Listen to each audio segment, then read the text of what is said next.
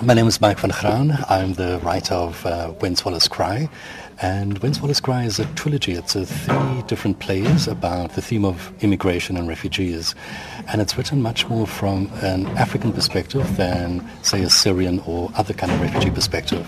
And what it really tries to do is show the different, or at least three different stories about being a refugee or about global mobility. Who has the right to travel um, around the world at the moment? So one of the stories is about um, a Westerner who comes to Africa to do good, but is captured by a group of bandits and is held for ransom. And he's able to come to Africa without any kind of visa or anything.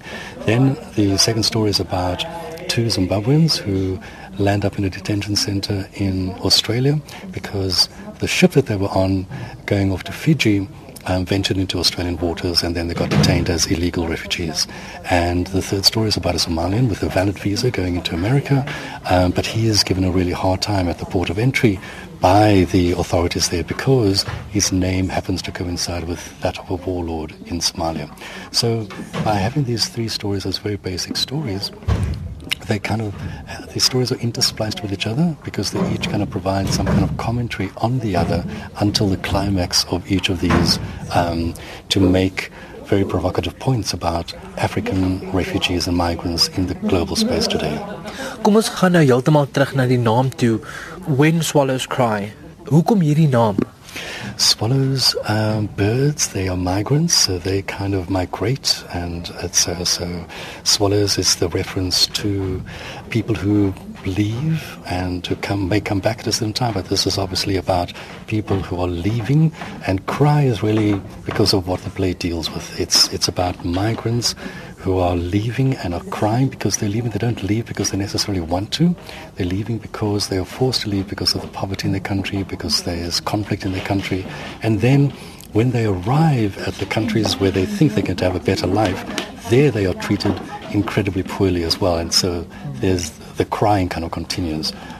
Het jy dit doelbewus in die storie gesit dat een van jou karakters met die boek Hamlet gekonfronteer is as hierdie boek wat juis 'n storie is van tragedie, maar ook dan hierdie westerse storie wat ingebring word in hierdie samelewing in wat hierdie mense eintlik dink hy kom en hy bring hierdie tipe westerse idees en leefstyl na hierdie land toe.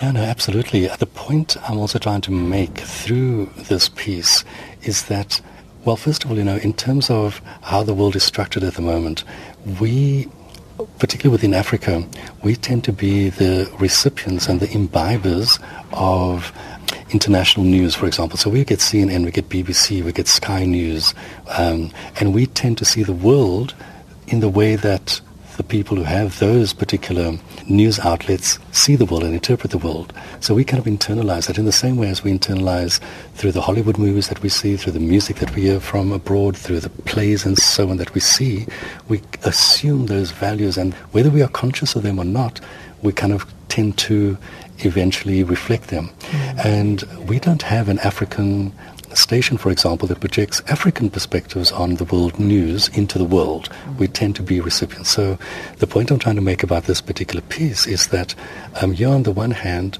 many times how the West kind of sees Africa is that it's barbaric, it's backward, it's uncivilized.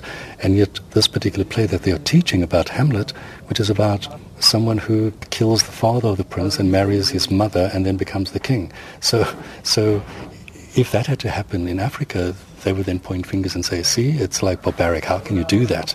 And yet that's exactly what they're teaching through a play such as, such as Hamlet, and it's seen as a great work of art. So it's in a way a, a bit of irony that I'm trying to also bring into the piece, that the values that you sometimes teach are not exactly the kind of values that ultimately you want to be expressed um, in these kinds of in these kinds of situations. Hierdie stuk gaan nou na die Shanghai Internasionale Theaterfees toe. Watter tipe reaksie dink jy jy daar gaan kry? I've never been to the Shanghai International Theatre Festival, um, so I'm not sure what the reaction is going to be in that context. My major idea, well, first of all, this project comes about through a Norwegian company that has had relationships with China over a 12 to 15 year period, and that's why they're taking all eight plays that arise out of this project to the Shanghai International Theatre Festival. The main thing for me as a playwright is that it becomes a platform for this play to be seen by other in- international producers who will come to the Shanghai International Theatre Festival, and hopefully they will then invite this piece to go to their particular theatres or festivals um, around the world, because it really is a piece that needs to be seen around the globe. Because of uh, what a big issue the theme of migrants and refugees is at the moment.